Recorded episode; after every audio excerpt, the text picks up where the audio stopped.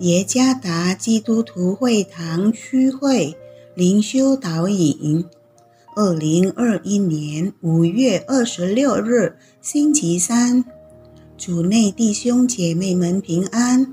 今天的灵修导引，我们要借着圣经出埃及记三十一章第一到十一节来思想今天的主题：服侍上帝。作者朱思杰传道，《出埃及记》三十一章第一到十一节。耶和华小玉摩西说：“看哪，犹大支派中乌尔的孙子乌利亚的儿子比撒列，我已经提他的名召他，我也以我的灵充满了他。”使他有智慧、有聪明、有知识，能做各样的工，能想出巧工，用金、银、铜制造各物，又能刻宝石，可以镶嵌，能雕刻木头，能做各样的工。我分派但支派中亚西沙摩的儿子。亚和利亚伯与他同工，凡心里有智慧的，我更使他们有智慧，能做我一切所吩咐的，就是会幕和法柜，并其上的施恩座，与会幕中一切的器具，桌子和桌子的器具。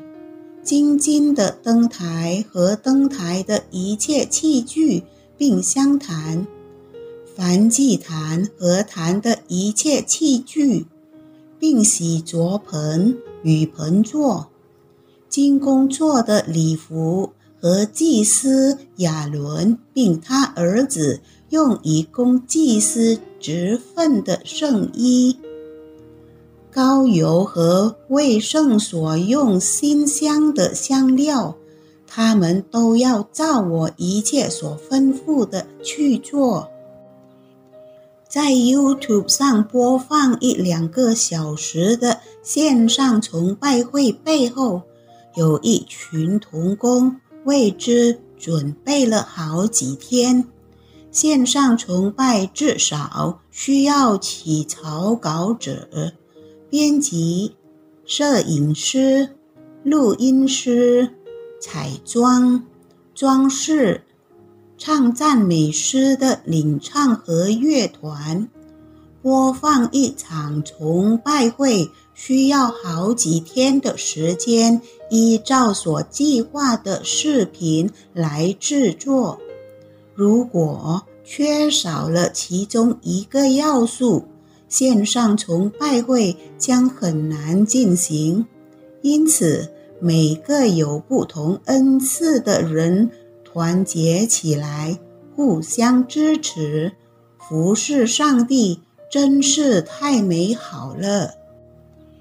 摩西从上帝那里得到授权去做上帝想要的东西。上帝知道摩西不是工匠。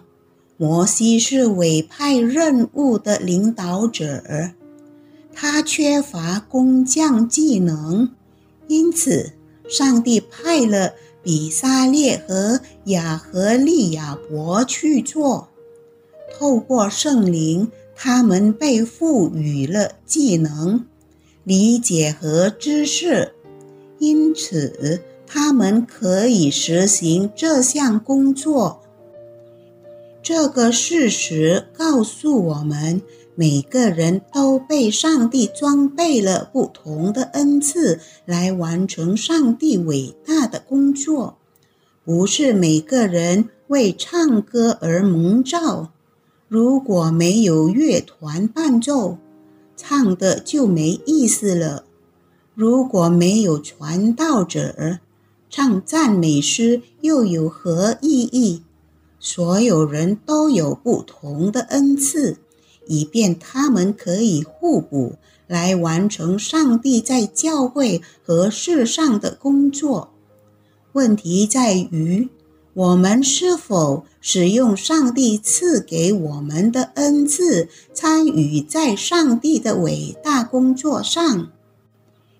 上帝呼召我们，根据他在我们身上所赐下的恩赐，来参与他的服饰工作。